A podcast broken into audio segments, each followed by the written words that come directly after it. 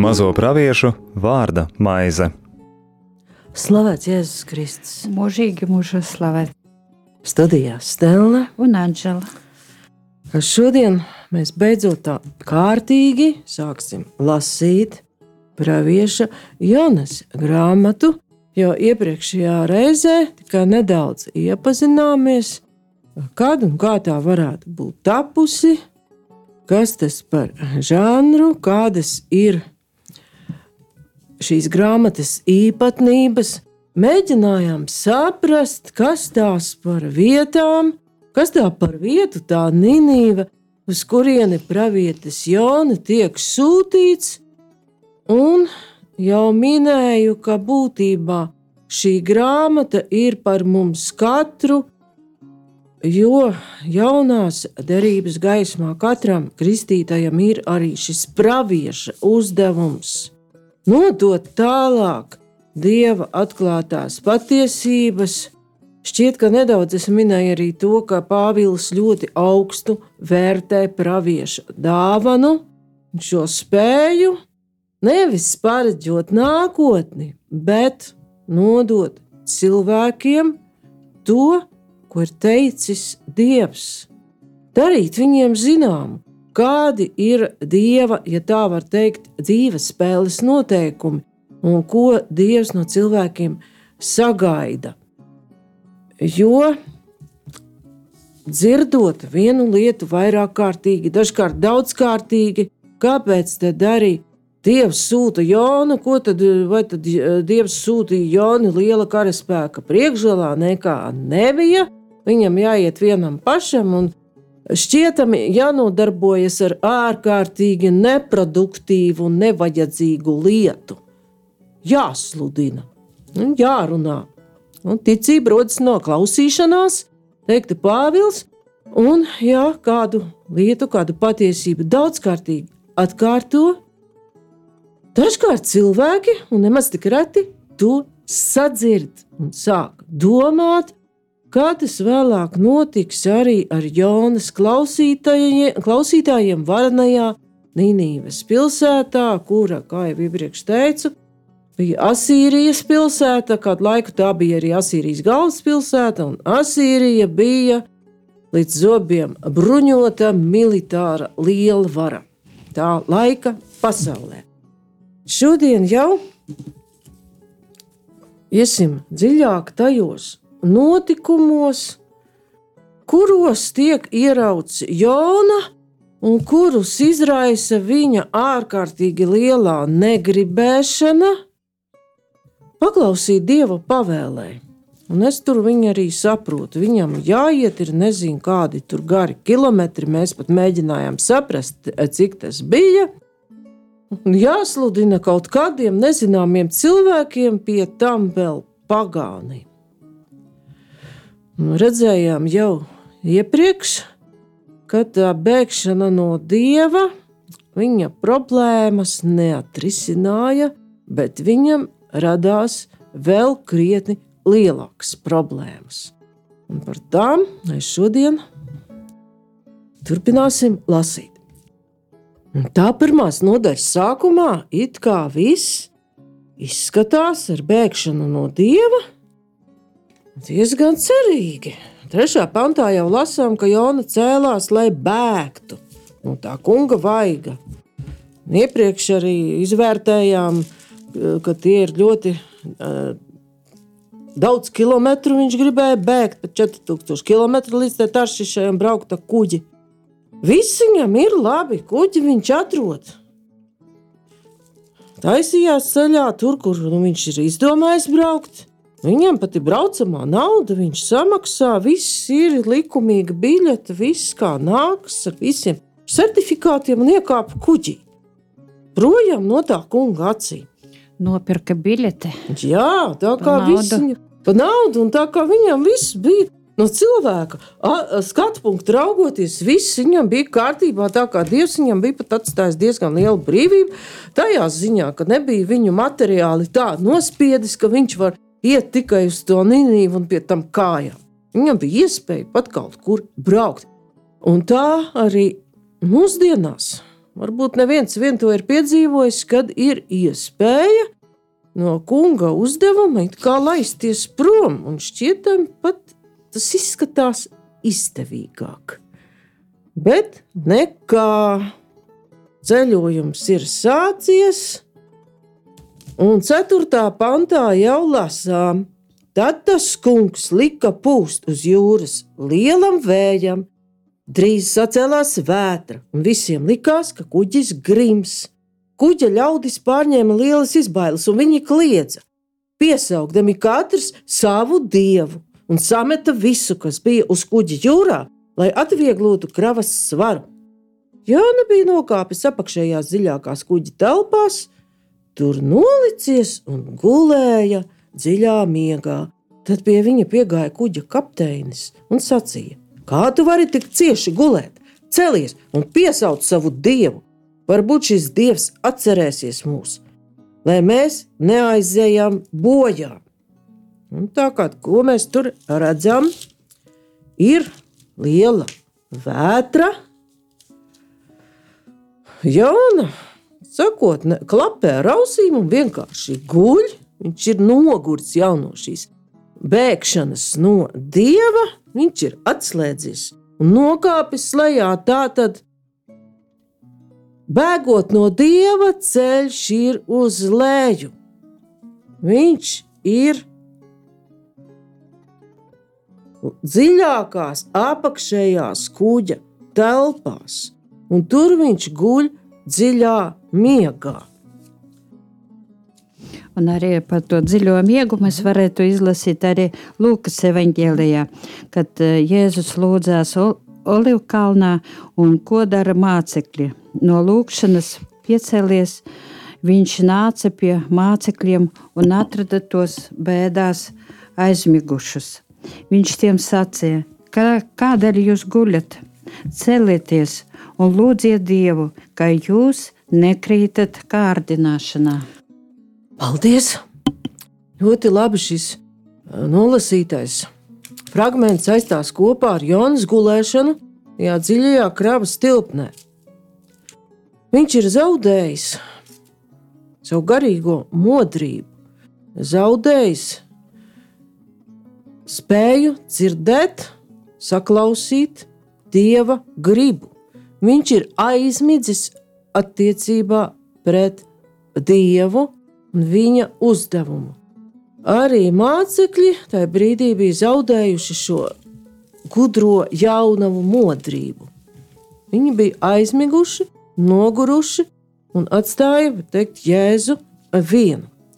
Bet ar tādu gulēšanu vētrā ir vēl viena epizode, kuru varbūt pat ir grūtāk saprast par šo.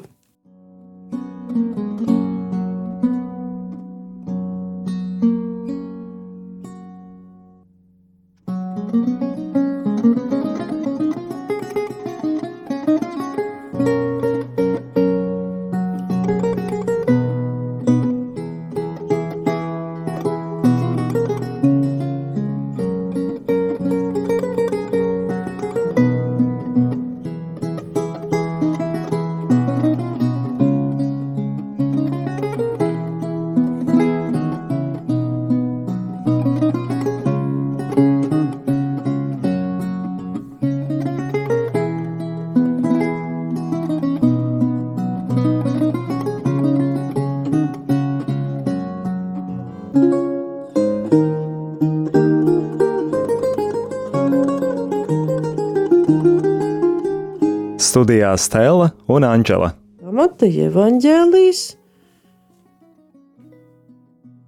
8, 23, 27.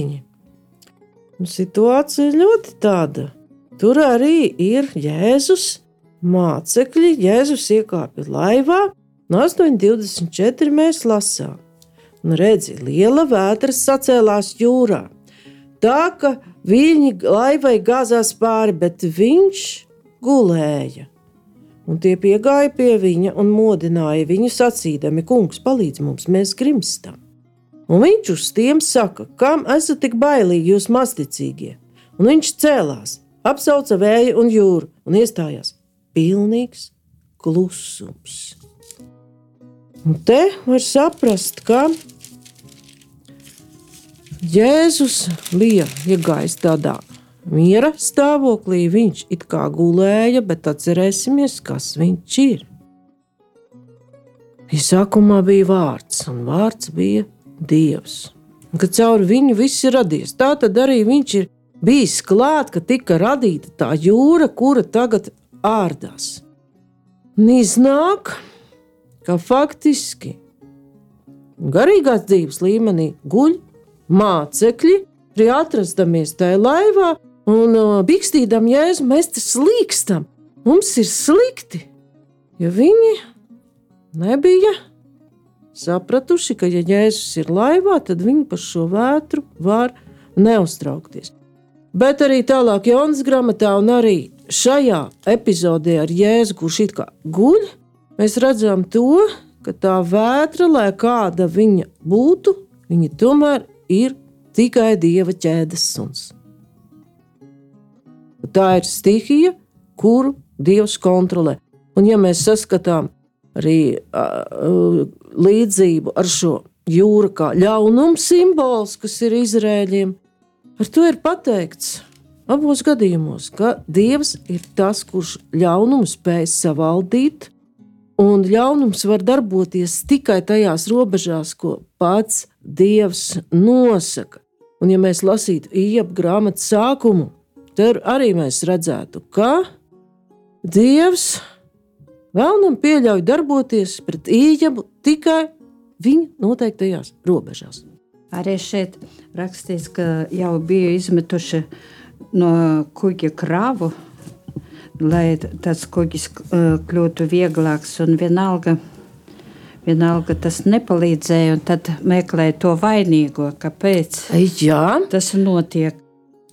Tāpēc, ka izskatās, ka šajās vietās ka vispār tāda vētra ir ļoti reta. Un, ka, Varēja tur būt vētras, bet ne pārāk bieži. Laikam netika jā, liela. Pēc viss bija izbrīnīti, kāpēc tas notiek. Un tālāk mēs tekstā varam secināt arī, ka kuģi ļaudis zināja, kāpēc Jona brauc prom. Viņš bēg no dieva. Nu jā, īsti, jā. viņi pēc tam jautās viņam. Jā, un tur tā kā viņš arī neslēpa, viņš šai ziņā bija ļoti godīgs un neslēpa to. Nu, vētra ir liela, vēl mēs cita veida vētru varam redzēt, un arī šeit tā vētra izvērtīsies Jonam pa labu, un viņu, var teikt, diezgan veikli aizgādās līdz tā nenīvei. Arī izceļošanas grāmata 14. Tur arī ir vētra, bet tā atrisina Izrēļiem diezgan lielu problēmu. 14, 21. Nu, tur faraons ar savu karaspēku dzenas mūzu un pakaļ. Tad Mozus izstiep savu roku pār jūru, un tas kungs lika jūrai. Spēcīgam austrumu vējām pūšot, plūst atpakaļ visu nakti. Viņš darīja jūru par sauszemi, un ūdeņi pāršķēlās.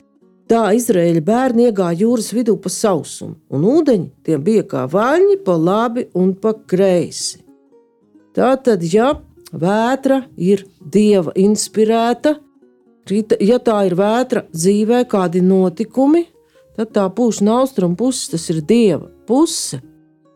Tad tomēr cilvēks arī pārbaudījumā pārnestā nozīmē iziet sausām kājām. Un arī mēs varētu atcerēties, kā apstuļu darbos Pāvils, kad eh, dodas ceļā uz Romu sludināt. Apstuļu 27. Nebija. Jā, jā, jā, lūdzu, lūdzu. jā, un tad Un tad, uh, tad notiek arī vētra. Vīri, es redzu, ka turpinot ceļu, posts un briesmas draud ne tikai kuģi un kravai, bet arī mūsu dzīvībām, saka Pāvils. Un uh, Dievs, šonakt Dievs, kam es kalpoju, atsūtīja pie manis savu eņģeli, un tas man sacīja, nebīsties Pāvil, tev būs jāstājas Cēzara priekšā, un redzi, Dievs savā labvēlībā tev ir devis visus, kas ir kopā ar tevi uz kuģi. Un tad viņš pateica, ka visi uh, var, varēs izglābt no, šīs, no šī kuģa. Ja, un, uz Romu nonāk tikai pēc trim mēnešiem Pāvils. Ja, pēc tā Paldies. laika, kas bija paredzēts Dieva apredzībā. kā viņš nokavēja, varētu teikt, trīs mēnešus. Nu, tā kā Trīs mēnešus viņš bija ceļā. ceļā. Tā kā, kā redzam, arī Dievam ir sava laika skaitīšana un savas metodes, kā cilvēks atvest pie sevis. Un ko vēl mēs redzam un varam saprast? Anģela minēja, ka kuģa ļaudis sameta visu, kas bija uz kuģa jūrā, tā tad atbrīvojās no tā, kas ir lieks. Un te varam saskatīt paralēlus ar cilvēku dzīvi, kad cilvēks nonāk kristiskā situācijā. Viņš dažkārt var arī pat savu pliko dzīvību izglābt, kas varbūt bija arī karu laikos, arī bēgot no totalitāriem režīmiem un daudzos citos apstākļos. Daudzas materiālas lietas, pierastais komforts, tas viss ir kā liekais balasts, jāizmet tajā jūrā, kurā šis cilvēks ir iesviests. Un tādā pārbaudījuma vētras brīdī cilvēkam tiek dots saprast, kas ir svarīgs un ko var izmest aiz borta, kas ir lieks.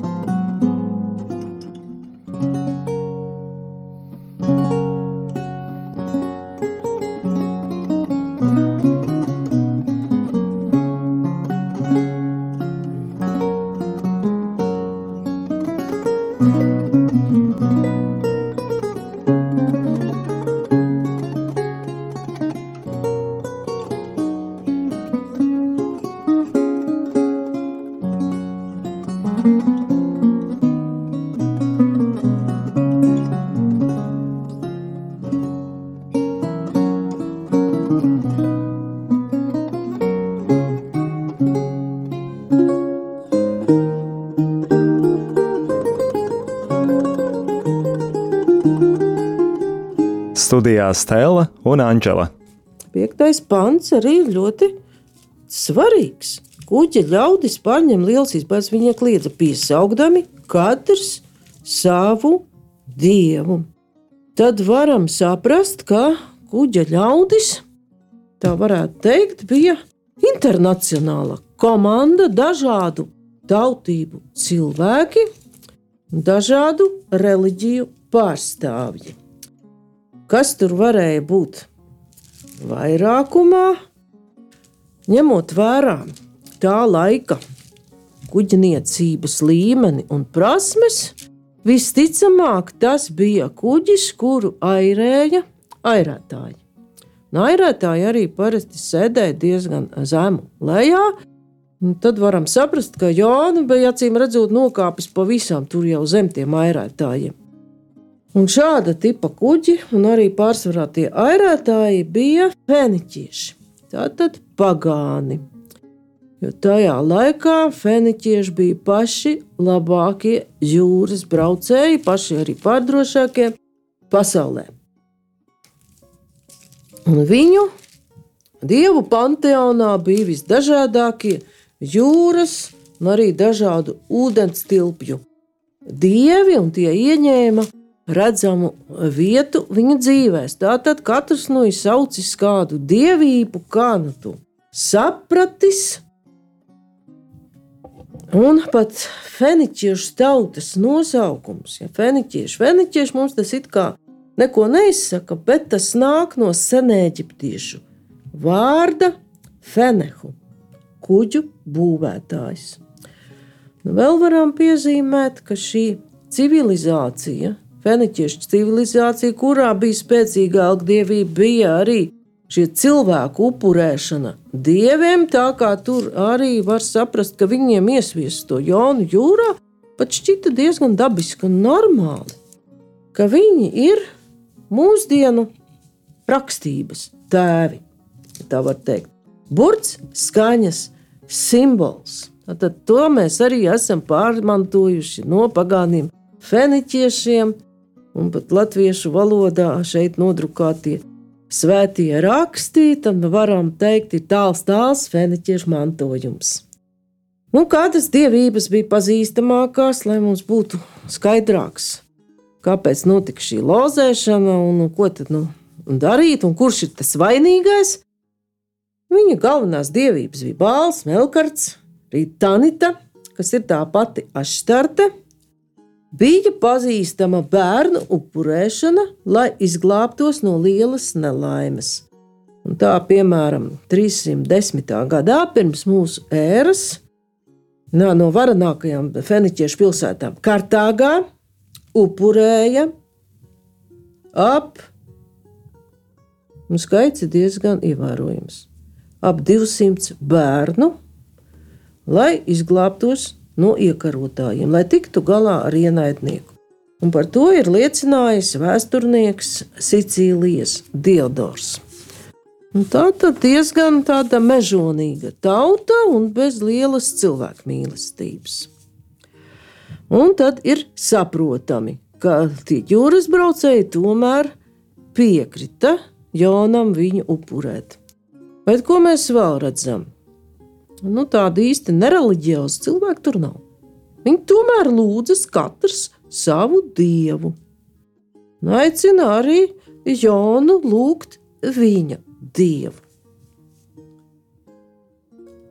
Un kā pagāni varētu vērsties arī pie kāda cita dieva, tas nebūtu nebija tik reta vai sveša parādība. Jo, ja mēs palasīsim ezras grāmatu, viens, pirmā nodaļa, viens līdz četri.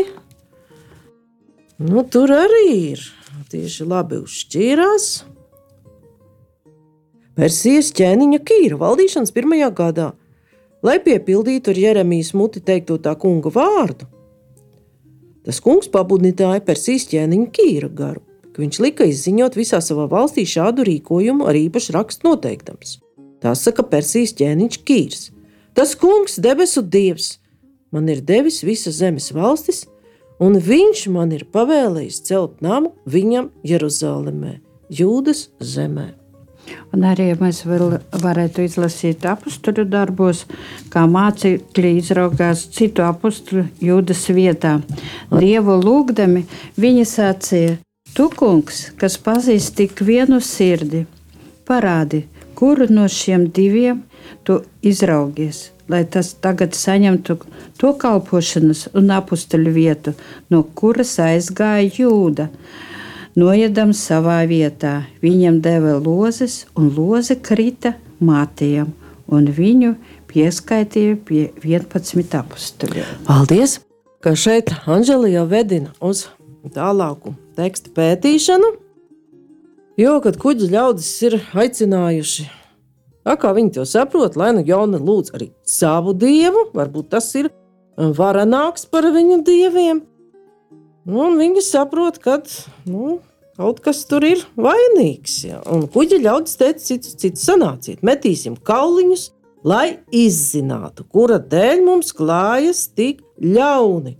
Kauliņus metot vaina krita uz Jonu. Ja, tas ir atkal tie paši meslī, jeb Loze sauc dažādos vārdos, ja Matīs dabūja apstuļu amatu, nu Jonas liktenis izrādās krietni sliktāks. Un šāda dieva, dievu gribas vai dieva meto, izzināšanas, gribas izzināšanas metode senajā pasaulē bija diezgan pazīstama.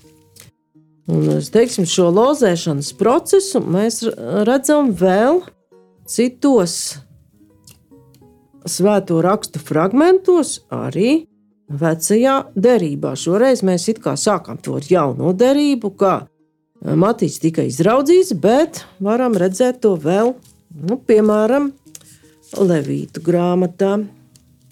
Un kas tad tur ir? 16. nodaļa, 8. līdz 10. pāns. Un tur redz, izvēlās, tur pavisam savādāk. Tur nav par cilvēka kādu likteni, bet 16, 8 levīta grāmata, un tad Āronam jāmet mesli par abiem āžiem.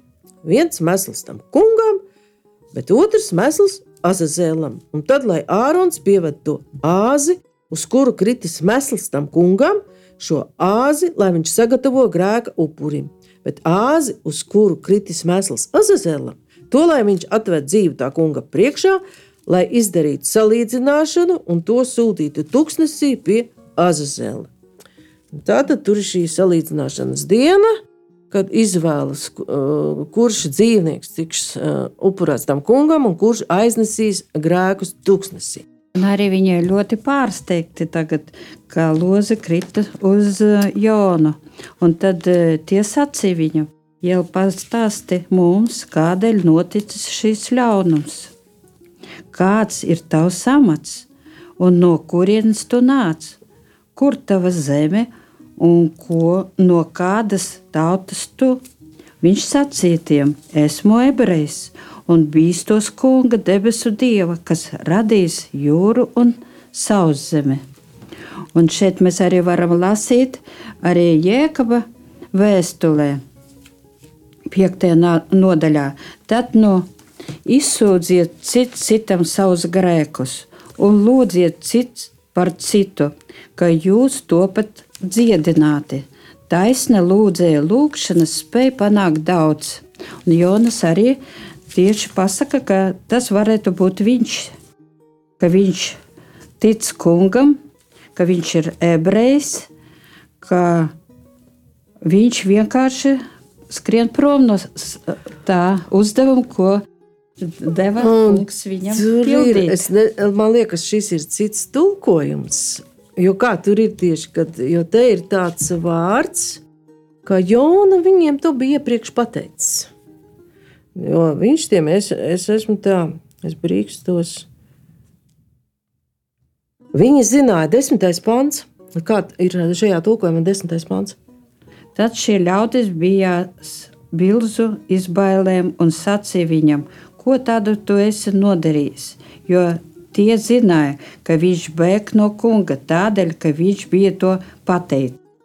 Nu, un Bībeles biedrības tulkojumā mēs lasām šo desmito pantu. Tad no jauna kuģa, kuģa ļaudis ārkārtīgi izbijās un jautāja viņam, kādēļ tu to tā izdarīji? Viņi zināja, ka Jona bēga no tā kunga, jo viņš to viņiem iepriekš bija pateicis. Tad iepriekš Kad iepriekš tas nav teikts, varbūt pat kāpjot uz kuģa, nu, viņi tam tādu uzmanību nepievērsa. Jo, nu, varbūt viņš var ar viņu kuģi sekmīgi aizbēgt no viena no dieviem. Bet vētra parādīja, ka tas ir nopietni. vētra parādīja, ka tas ir nopietni. Un, kā redzam, mesli arī loze uzrādīja, ka Jona tiešām ir tas vainīgais, un ka uzrāda cilvēka vainu, to arī mēs lasām pat pirmajā samuēļa grāmatā. 14, 42. Un ka tās lozes ir tādas ļoti nežēlīgas, ja, ka viņas, nu, neatkarīgi, kas tas cilvēks ir, pravietis, valdnieka dēls vai kas, nu, tā ir šī dieva tiesa. Un 1. samēlā 14.42 mēs lasām, Tad Sauls pavēlēja metiet meslus par mani un manu dēlu Jonatānu, un mesli krita par ļaunu Jonatānam. Un Sauls vaicāja Jonatānam: Saki man, ko tu esi izdarījis? Un tāpat kā šeit kuģi ļaudis prasa, ko tu esi izdarījis.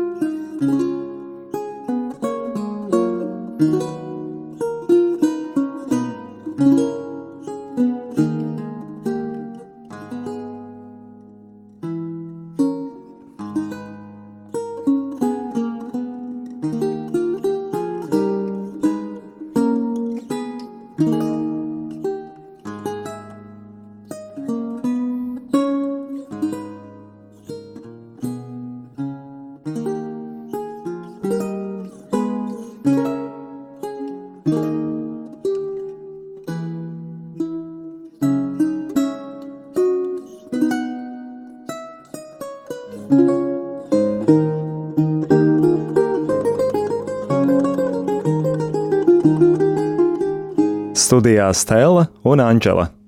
Arī atklāsmes grāmatā 16. nodaļā mēs varam lasīt Dievu vārdu, un piektais eņģelis izlēja savu trauku par zvēra troni. Viņa valstība tapa aptumšota, un no sāpēm tie koda savas mēlis. Sāpju un čūlu dēļ Viņa zaimoja debesu dievu, bet neatgriezās no grēkiem un neatstājās no saviem darbiem. Paldies! Šis fragments varbūt nav ļoti tieši saistīts ar Jonas stāstu, bet netiešā veidā viņš ir saistīts ar vētru uz kuģa. Jo varam teikt, ka mūsu tagad civilizācija arī tāds kuģis, kas ir iekļuvis ļoti lielā vētrā, un ja šeit tie cilvēki, kas ir kopā ar Jonu, tomēr meklē dievu, labi viņi lūdz savus dievus, lai kā tur nebūtu, bet viņi mēģina izzināt, kurš dievs tagad ir tik ļoti apkaitināts, kāpēc dievība uz viņiem dusmojas. Bieži vien tā ir, arī ir liecība, jā, ka Jonas liecina par savu dievu, jā, kurš uh, viņu uzmeklē arī uz kuģa, kurš dodas tālu prom no viņa, bēg jā, un negrib pildīt nu, dieva gribu. Jā, tie, tā ir tāda liecība visiem mums, un tiem uh, jūrniekiem, jā, kas ir uz kuģa, ka tas Dievs mūs vienmēr mūs redz, gaida, uzmeklē un aicina atgriezties nu, pie sevis. Arī tas ir mūsdienu cilvēks, un arī kā mēs esam audzināti, dažkārt šis Dievs redz, var ļoti cilvēku nobiedēt. Nu, jā. Bet šeit, šeit arī viņi uh, bīstas kungu. Un, var teikt, Jāna bija arī ļoti godīgs. Viņš visu Tieši iepriekš tā. viņiem pateicis. Un tā laika pasaulē, kad dažā, uz viena kuģa cilvēki tic dažādiem dieviem, bet viņi tomēr tic šim pārdabiskajam spēkam, kas augstāks par viņiem nebija nekas neparasts. Nu, viņi tagad jautā, ko lai mēs ar tevi darām, lai jūra nomierinātos. Jo jūra joprojām bija ārkārtīgi nemierīga. Jona atbild: ņemiet mani un iemetiet jūrā, tad tā kļūs. Rāma, es zinu, ka manas vainas dēļ pār jums ir sacēlusies šī vētra. Un tā kā Jona faktiski uzaicina viņus, visus šos pagānus feniķiešus upurēt viņu jūrai. Bet mūsu laiks šodien ir iztecējis, un nākamajā reizē jau mēs vairāk pievērsīsimies šim momentam, ko satur šī Jonas iemešana jūrā un šie viņa vārdi, ka viņš aicina cilvēkus to darīt. Kā arī tur ir paralēls ar jauno derību, Un jau iezīmējas tā, tas, ka Jona ir mieru, kaut arī viņš bēg no kunga, ir mieru ziedot savu dzīvību, lai šie cilvēki paliktu dzīvi. Bet tuvāk par to visu mēs jau lasīsim un domāsim nākamajā reizē. Bet šodien paldies par uzmanību. Studijā bija Stela un Anģela. Izskanēja raidījums Mazo praviešu vārda maize.